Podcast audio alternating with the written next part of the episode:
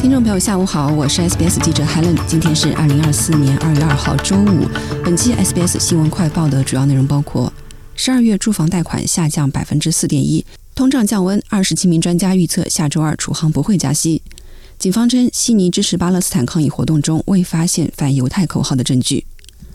澳大利亚统计局周五公布的最新数据显示，二零二三年的十二月，新的住房贷款承诺总值下降了百分之四点一，其中自住者贷款承诺下降了百分之五点六，而投资者贷款承诺下降百分之一点三。澳大利亚统计局的金融统计主管米士坦说：“虽然投资者和自住者贷款额在十二月份有所下降，但全年来说，投资者贷款增长了百分之二十点四，而自住者贷款增长了百分之七点四。”他还说，自从2019年首次收集数据以来，总贷款活动的构成发生了变化。投资者贷款的比例从2019年12月的27.3%增加到了2023年12月的35.5%。2023年12月，首次购房者贷款数量下降了8.4%，但与一年前相比增加了12.9%。同时，贷款额在该月下降了5.5%，但与一年前相比还是增长了21%。专家们称，随着澳大利亚各大银行透露利率可能下调的幅度，抵押贷款持有人几乎肯定会在央行下次的会议上获得再一次的还款喘息机会。金融比较网站 Founder 对二十七名专家进行调查显示，储备银行将在周二举行的下次会议上将现金利率维持在百分之四点三五。此外，联邦银行、西太平洋银行和国民银行这三大银行也预测储备银行将会暂停加息。此前，统计局最新公布的十二月季度通胀数据为百分之四点一，低于九月季度的百分之五点四。独立经济学家艾斯莱克在通过 Fund 发布的评论中说：“十二月份的季度数据足以排除澳大利亚央行再次加息的任何可能性，但在我看来，这一通胀数据还没有好到足以支持他们在此次会议上降息的任何预期。”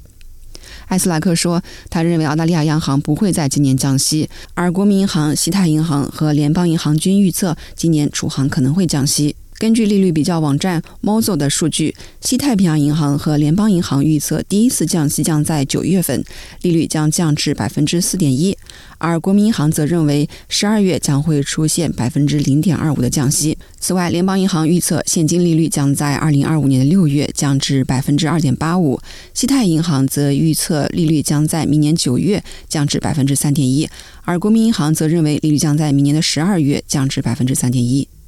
在 Fund 的二十七位专家小组中，有十位专家预测首次降息将发生在二零二五年。四大银行中的澳新银行尚未公布其预测。澳大利亚央行一直在提高现金利率，以及将通胀率控制在百分之二至百分之三的目标范围内。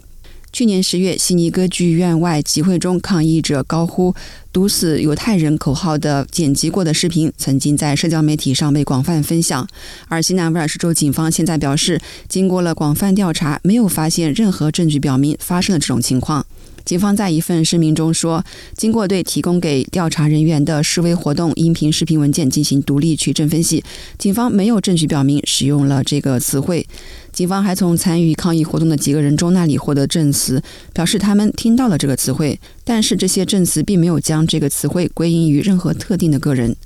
经他们继续呼吁任何尚未与警方取得联系的消息人士提供线索。自从哈马斯在去年十月七日发动袭击以来，以色列对加沙进行了轰炸。据以色列政府称，袭击共造成了约一千两百人死亡，两百多名人质被劫持。而据加沙卫生部门的数据，自从十月七日以来，加沙已经有超过两万六千七百五十一人丧生，其中大部分是妇女和儿童。十月七日袭击被认为是以色列与哈马斯之间长期冲突的一次重大升级。